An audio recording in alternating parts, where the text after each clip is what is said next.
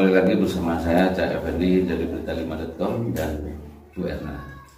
Ngomong-ngomong tadi Bilas Bu Erna eh, punya lembaga LPK, LPK, LPK.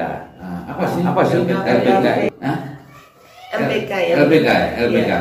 Apa sih LPK itu dan untuk apa? Gitu. Tolong Bu Erna sampaikan. Baik, eh, LPK adalah lembaga pelatihan dan kursus ya. Kursus, ya. Jadi eh, ini saya bentuk tadinya untuk memadai eh, apa praktek dari ibu-ibu, Hmm. pelatihan dari ibu-ibu yang Ya. ada di komunitas kami. Agar apa yang didapatkan keterampilan itu ada sertifikatnya yang legal, Legal. ada legalitasnya gitu loh. Harapan kami seperti itu. Dan LPK ini kami bentuk dengan pelatihan-pelatihan yang terkurikulum dengan baik. Oh, gitu. Ya, jadi kita tahu capaiannya untuk ibu-ibu ini apa gitu loh. Hmm. Tidak hanya kita kasih praktek aja setelah itu selesai loh. Saya nggak mau. Iya. Saya mau ada eh, ada capaiannya. Jadi Baik. ibu-ibu bisa ngapain setelah kita lakukan pendidikan untuk mereka. Setelah itu kita evaluasi. Nah di lapangan nanti kita ikutin mereka akan jadi apa dan mengembangkan apa yang sudah mereka peroleh. Termasuk bersertifikat juga ya? Iya semuanya bersertifikat dan ini Pak unik LPK kami ini Kenapa, eh, gratis. Oh, gratisnya. Iya. Terus pembiayaannya dari mana bu kalau gratis gitu? Eh, sebetulnya untuk pembiayaan itu karena kami memberikannya itu kan eh, manakala saat ini kan COVID ya, Iya, jadi iya, iya. COVID ini kan seikhlasnya teman-teman. Kebetulan 40 total kami ini nggak mau dibayar Pak. Ya. Biasanya kan pembiayaan tuh bayarin mereka toh pak Iya, iya. sebetulnya kan kalau bahan habis pakai Hmm. itu oke lah mereka urunan semacam pelatihan bikin sabun Oh, nah gitu. mereka iuran lima ribuan untuk bahan-bahan bikin sabun gitu kan oke seperti itu tapi untuk tutornya itu free pak dan kami upayakan setiap kota ada tutornya Ini sabun apa bu yang biasa di sabun mandi sabun mandi? Tangan Iya. apa merangkul ke sabun hotel-hotel gitu? Eh, ini ada paketnya sabun sendiri sih. Oh, Jadi iya. termasuk juga mungkin sabun ke hotel, sabun Iya. cair, sabun tangan, hand Iya. sanitizer seperti itu, Oh, Pak. gitu. Jadi memang ada ahlinya namanya Dokter Lili. Masker juga ya? Ya, kalau masker ada sendiri pelatihan Iya. mereka yang pelatihan jahit itu Iya. kemarin baru kemarin kami Iya. juga untuk anak milenial bikin masker, Pak. Ini salah satu produk dari milenial. Oh tapi bagus juga bu. Eh, lumayan, Nanti, ya. iya. Dan ini kalau dijual juga saya rasa hasil eh, apa namanya harganya juga lumayan bagus gitu Iya. loh, Pak. Ini enggak aneh ya memenuhi standar Oh iya, ini ti- tiga lapis, tiga lapis. Oh, ya. sudah aman. Iya gitu. aman, aman. Ya. Ini pelatihnya juga seorang dokter gigi spesialis periodontis, namanya Bu Aini. Wah ini. Nah jadi kami nggak main-main di dalam kami itu memang terus terang Pak banyak perempuan yang peduli untuk mengajar perempuan yang lain Pak. Iya iya. Dan saya yang menjadi saya sangat takjub dan saya apa ya bersyukur sekali. Mereka itu dari sekian itu yang S2 itu di atas 50%. Hmm. Yang S3 itu ada sekitar 20% dari seluruh pengajar Pak. Iya. Jadi S3 kami itu ada sekitar 5 atau 6 orang. Ini mungkin setelah besok lulus Pak tahun ini, mungkin bisa tembus sampai 15 orang Pak. S 3 nya. S3-nya pengajar S3, pengajar dari S3. Dokter ya? Dokter, iya betul. Ya, Jadi nggak main-main Pak ini Pak. Jadi rata-rata teman-teman kuliah saya mau jadi pengajar di sini semua gitu loh Pak. Sedangkan mereka tahun ini selesai. Itu melihat apa bu kok bisa uh, terpanggil untuk itu? Eh, kalau menurut pengakuan mereka sih Iya, Pak, iya, kalau iya. kenapa kok mau gitu loh kasih gratisan gitu, saya senang mereka bilang gitu, karena kita bisa mendedikasikan diri kita untuk kaum perempuan. Iya. iya. Nah, kalau kaum perempuan ini tidak kita naikkan, terus kemudian siapa lagi Betul, kita gitu loh. Ini kesempatan bagi mereka yang memiliki kemampuan lebih atau memiliki keilmuan yang lebih Iya. untuk membantu memberdayakan perempuan. Ayolah bergabung di tempat kami gitu loh Pak. Ini sementara ini yang di yang tersentuh cuman yang di perkotaan saja atau sampai ke Sampai ke desa. desa ya? Iya, sampai ke desa. Jadi eh, untuk mereka yang di desa, ya kita tahu kan Pak, kalau di desa itu eh, kita harus sesederhana mungkin memberikan penyampaian Pak supaya diterima. Ada juga yang mungkin agak terlalu sulit untuk menerima karena mereka mengoperasionalkan smartphone aja agak susah Oh, gitu iya, ya Pak ya. Nah, iya, iya. Tapi saya ada PR nanti untuk yang teman-teman di desa. Nanti kalau sudah COVID-nya selesai, kita akan mengajar kembali, ketemu dengan mereka langsung, tatap muka langsung, langsung bisa mengajarkan secara langsung, Pak, apa yang kita bisa gitu. Wah hebat menarik ya Bu ya. Jadi menarik, jadi mungkin eh, hal-hal uh, yang positif yang lebih dianggap. Iya. Jadi sementara ini kalau untuk operasional selain tadi teman-teman iur untuk habis pakainya, ya, ya, ya. Uh, kami juga memberikan sertifikat itu juga karena sertifikat ini ada yang apa ya kalau dulu ini jampelnya itu 32 jam gitu loh pak, ya, ya. ada nilainya. Nah itu baru mereka membayar mulai dari 50 ribu ya. sampai 75 ribu. Iya iya. Ya. Harapannya Ibu Erna uh, terhadap uh, pemerintah kabupaten kota atau provinsi bahkan mungkin nasional. Ya. Seperti apa LPK ini? Ya, jadi harapan saya adalah eh, mohon kalau umpamanya ada para pejabat yang di bidang yang sama, semisal di pemberdayaan perempuan, di dinas pendidikan, karena kami selain memberdayakan perempuan juga kita main di education gitu loh. Nah betul. Jadi saya mohon ayo uh, kita bersama-sama bergandengan tangan untuk mengangkat ibu-ibu, terutama kaum remaja putri, yeah. supaya mereka juga mengenal budaya kita. Selain mengenal budaya kita, mereka juga lebih terampil, lebih smart dan siap untuk terjun di lapangan, di yeah. masyarakat, terutama terutama di masa-masa sulit. Masa sulit. Nah, masa sulit. Kita nggak tahu COVID ini sampai kapan, yeah. dan mereka harus menyesuaikan. Di negara ya. Iya. Di kehidupan baru. Betul di kehidupan baru. Saya mohon ada istilahnya ada perhatian perhatian entah bentuknya bagaimana ada perhatian kami ingin mengembangkan bukan hanya di Jawa Pak tapi kami juga ingin ke seluruh Nusantara uh, jadi kalau dalam kondisi COVID ini saya malah bersyukur karena kami webinar kami ini Pak iya, pesertanya ya, ya. hampir 400 orang. Uh, sampai terjauh ke mana sampai? ke mana?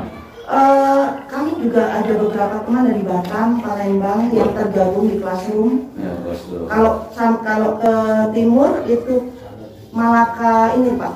Atambua, Atambua. Atambua. Ya, Malaka Malaysia. Bukan Malaka Malaysia, Malaka NTT. Oh, NTT. Oh, ya, ya, ya, Atambua di sana, ya. kemudian di Maluku juga. Maluku ya.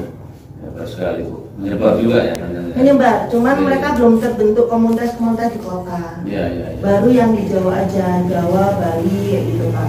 Yang bisa saya datengin maksudnya Pak. Kalau ya. yang terlalu jauh itu kita Iya, iya. Ya, saya kadang-kadang kesulitan untuk berangkatnya karena ya. alat transportasi, Pak. Ya, Jadi ya, ya pesawat apa gitu kan, Pak. Ya. Kan, Kalau Bu Erna mungkin barangkali punya konsep di saat uh, pandemi COVID-19 ini bagi yang sebelumnya maupun yang sekarang sudah memasuki era new normal ya. uh, hidup berdampingan dengan COVID. Uh, barangkali ada konsep yang sekiranya bisa memotivasi kawan-kawan di daerah dan masyarakat pada umumnya. Konsep yang terkait dengan apa? Nah, COVID, ya, jadi paling untuk menjaga kesehatan ya. kita. Yang pasti uh, saya menyarankan ibu-ibu tetap stay at home, ya. bisa mengerjakan pekerjaan dari rumah, ya. bisa berbisnis dari rumah. Kalau di tangan kita ada smartphone, apa pun bisa tergenggam di tangan kita, termasuk dunia saat ini Betul. dunia ilmu dunia bisnis dunia apa pun bisa kepegang tangan jadi ya. tampil tampilnya kita aja pak hmm. untuk uh, apa istilahnya mempelajari lebih dalam tentang Betul. fungsi daripada smartphone ya. dan saat ini pak kemarin kenapa kok uh, saya juga lebih semangat lagi karena kami sedang mengembangkan e-learning hmm. yang di dalamnya tuh tersistem sangat luar biasa seperti pusat pendidikan yang kita bisa pegang dalam satu genggaman. Oh, nah, gitu ya. Rencana saya launching nanti setelah tanggal 15. Apa semacam apa aplikasi atau bagaimana? Ya semacam aplikasi tapi aplikasi e-learning. Hmm. Jadi kita bisa mengajar di mana pun tempatnya, kapan pun waktunya, berbeda waktu 12 jam pun masih bisa. Hmm. Misal saya punya murid di Dubai, oh, iya. ya kan selisihnya cukup yeah, yeah. jauh ya, atau di, di Athena gitu aja yeah. ya terusnya cukup jauh. Jadi bisa kita lakukan dari sini dan mereka tidak sempat atau tidak pernah tertinggal pelajaran seperti itu. Oh gitu. Jadi jadi dengan aplikasi itu tentunya lebih banyak merangkul ya, ya sampai ke mana-mana ya. Kan? iya betul. Ya, mana, mungkin sasarannya mungkin Nusantara dan bahkan bisa ah, teman-teman uh, kita yang ada di luar sana ya. Iya. Teman di luar saya biasanya ngambilnya adalah TKW. TKW, ya. betul, betul. Jadi komunitas kami di luar tuh, mohon maaf, rata-rata mereka adalah asisten rumah tangga. Iya. Hmm. Itu yang yang kami angkat Pak. Supaya manakala mereka pulang, mereka sudah siap dengan pekerjaan di sini, sudah siap dengan keterampilan dan tidak kepingin keluar lagi, Pak. Jadi dengan sudah pulang, dapat modal dan bisa buat usaha sendiri. Ya. Betul. Ya? Nah, nanti kalau nggak punya usaha sendiri, lama kelamaan juga habis juga ya. Iya nah, betul. Gitu ya. ya. Nah, harapannya uh, eh, LPP ini khususnya di pendidikan ya, ya. ada hubungannya dengan dinas pendidikan tentunya. Iya, nah. karena di bawah dinas pendidikan, Pak. Hmm, gitu ya. Harapannya sih saya selalu kepingin ayo bergandengan tangan di dinas pendidikan, iya gitu loh pak. Nah, kalau kalau misalkan ada yang bisa disinergikan gitu ya? Iya betul. Tentunya banyak ya bisa disinergikannya. Banyak sekali, banyak sekali. Bahkan kami juga punya konsep uh, apa namanya uh, pembelajaran jalan jauh pak. Hmm, kami pun punya konsep. Jadi apa yang ada di dalam uh, yang sudah kami peroleh waktu kami kuliah kemarin gitu kepengen kami aplikasikan jadi bukan hanya kita tuh belajar ya kita tatap muka seperti ini bukan yeah, yeah. tapi era 4.0 sekarang itu sudah berbeda eranya kita harus menerima ada pembelajaran jarak jauh ada sistem yeah. online ada e-learning harus yeah. diterima gitu loh dan kami sedang mencoba untuk mengembangkan dan ayo kita bergandengan tangan gitu udah S3 nya kapan Uh, saya lulus S3 yang pertama tahun 2016 itu jurusan eh, jurusan apa namanya teologi pastoral. Yeah. Yang kedua itu saya lulus tahun 2019 tahun kemarin dengan uh, jurusan leadership Pak, kepemimpinan. S3 juga. Ya, S3 juga. Jadi S3-nya punya dua ya? Tiga ini. Oh. Satu ini oh, punya tiga. Tiga. Satunya hmm. saya promo pendus, jadi saya tinggal ujian tertutup Pak. Hmm. Ini uh, apa namanya persiapan ujian tertutup jurusannya manajemen pendidikan di Universitas Negeri Surabaya. Surabaya. Ah, Universitas Surabaya ya? Ya, Negeri Surabaya, UNESA. Ya, UNESA. Wah, hebat banget. Punya tiga dokter, ya kan? Bayangkan. Dan semuanya linier. Dan semuanya linier ya. Berarti yang dibutuhkan oleh para kampus-kampus mestinya ya kan? Gitu. Nah, sebentar lagi tinggal tunggu profesornya ya. Ya, uh, semoga aja. Apa apa ada proses ke profesor? Ada. Ya. Ada penemuan gitu? Uh, saya sedang membuat suatu kurikulum baru yeah, yeah. Uh, pendidikan untuk adiksi pak. Adiksi. Ya jadi kita mencetak konselor dan yeah. perawat khusus untuk teman-teman yang kecanduan narkoba. Oh. Jadi bagaimana menangani mereka? Uh, kan kadang-kadang tidak semua orang bisa menangani korban kecanduan narkoba pak. Yeah. Nah, saya sedang membuat kurikulumnya, menciptakan orang-orang yang bisa mendampingi mereka untuk kembali tidak masuk ke dunia gelap itu, untuk hidup baru, jadi seorang yang betul-betul iya. meninggalkan narkoba. Ini yang sudah kecanduan atau yang belum kecanduan? Yang saya didik ini adalah perawat dan konselor. Iya. Yang baik, yang mereka sehat, tidak pernah kecanduan sama ya. sekali, atau mereka yang udah tobat. Oh, gitu. Iya konselor kan boleh kan udah tobat yeah. gitu kan Pak. Nah selama ini di Indonesia belum ada profesi konselor karena S3-nya, uh, eh, sorry D3 profesi ini kan udah D3 kan yeah, minimal kan yeah. D3-nya belum ada dan sekolah ini juga belum ada di Indonesia gitu Jadi, Pak. Lebih ke upaya-upaya pencegahan berarti ya. Iya, pencegahan dan rehabilitasi. Rehabilitasi. Iya, rehabilitasi yang Wah. pasti. Kalau rehabilitasi itu ada ruangan khusus sekarang malah banyak jadi ada 20 ada 600 600 uh, tapanti rehab di seluruh yeah. Indonesia Pak. Yang mana yang menangani ini masih lulusan pelatihan Pak, bukan yeah.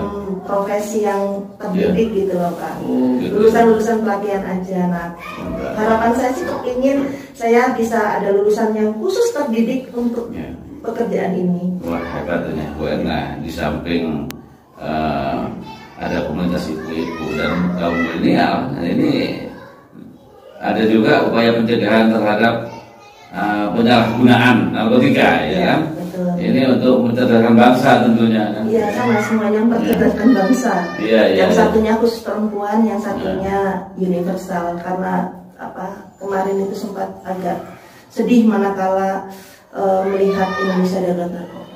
Targetnya berapa tahun lagi Profesor? Kalau bisa sih usia 50 Oh gitu ya.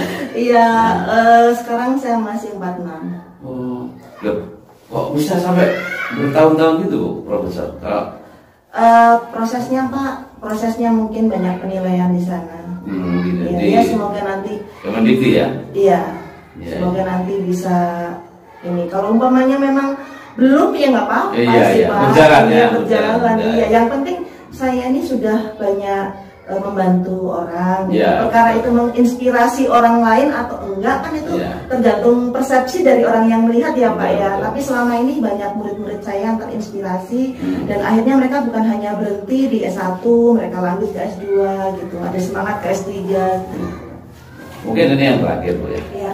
Kira-kira ada pesan dan kesan di saat Ibu eh, menjalani profesi ini dan komunitas ini, adakah yang eh, punya kenangan tersendiri terhadap komunitas-komunitas yang ada ini? Iya, jadi ada banyak hal Pak. Jadi saya itu orang yang senang memotivasi orang lain. Hmm. Setiap pagi saya memotivasi ibu-ibu dan setiap pagi mereka ada yang japri ke saya Iya. ataupun ngomong di komunitas bahwa Hmm. Terima kasih sekali hati saya tersentuh. Saya Iya. ingin seperti yang ibu bilang. Iya. Saya jadi semangat, hidup saya jadi semakin berwarna, rasa syukur saya semakin tinggi, Oh. eh, keimanan saya itu semakin besar seperti itu. Iya, Dan itu tuh eh, bukan hanya satu dua kali, setiap hari Pak ada yang seperti itu. Pak yang tersentuh. Itu membuat saya juga menjadi lebih bersemangat tentang iya untuk hidup iya. saya, lebih termotivasi. Dan saya merasa bahwa kita betul-betul saling bergandengan tangan, kita Iya. saling berbagi. Iya. Jarak bukanlah suatu hal yang membuat Betul, kita betul. jadi jadi jauh ya Pak Iya, ya. Jadi iya. dengan adanya seperti ini kita betul-betul merasakan bahwa saya dan Anda ini Iya. bersama gitu loh. Itu yang membuat saya terkesan bahwa kita bangkit bersama saat Bangkit ini. bersama. Tidak ada orang terpuruk saat ini. Semuanya terpuruk. Terpuruk, ya. Jadi kalau kita bangkit, ya ayo bangkit bersama. Jangan kita merasa terpuruk maksud Iya. saya. Kalau kita merasa terpuruk, kita nggak bakalan bisa jadi apa-apa Pak nanti Pak. Iya. Karena ini derita ini derita untuk banyak orang Banyak gitu loh. orang. Iya. Ayo kita bangkit sama-sama untuk Indonesia khususnya. Ya. Mungkin itu tetap semangat. Kita jangan sampai patah semangat. Di samping kanan kiri kita banyak orang-orang yang begitu peduli dan begitu kita ajak bergandengan seperti halnya yang ada di depan kita, Bu. Siap untuk menggandeng, siapa pun dalam hal untuk uh, maju ke depan. Tentunya begitu. Ya. Kurang lebihnya mohon maaf bersama saya Effendi dan Bu Erna. Tetap. Semangat.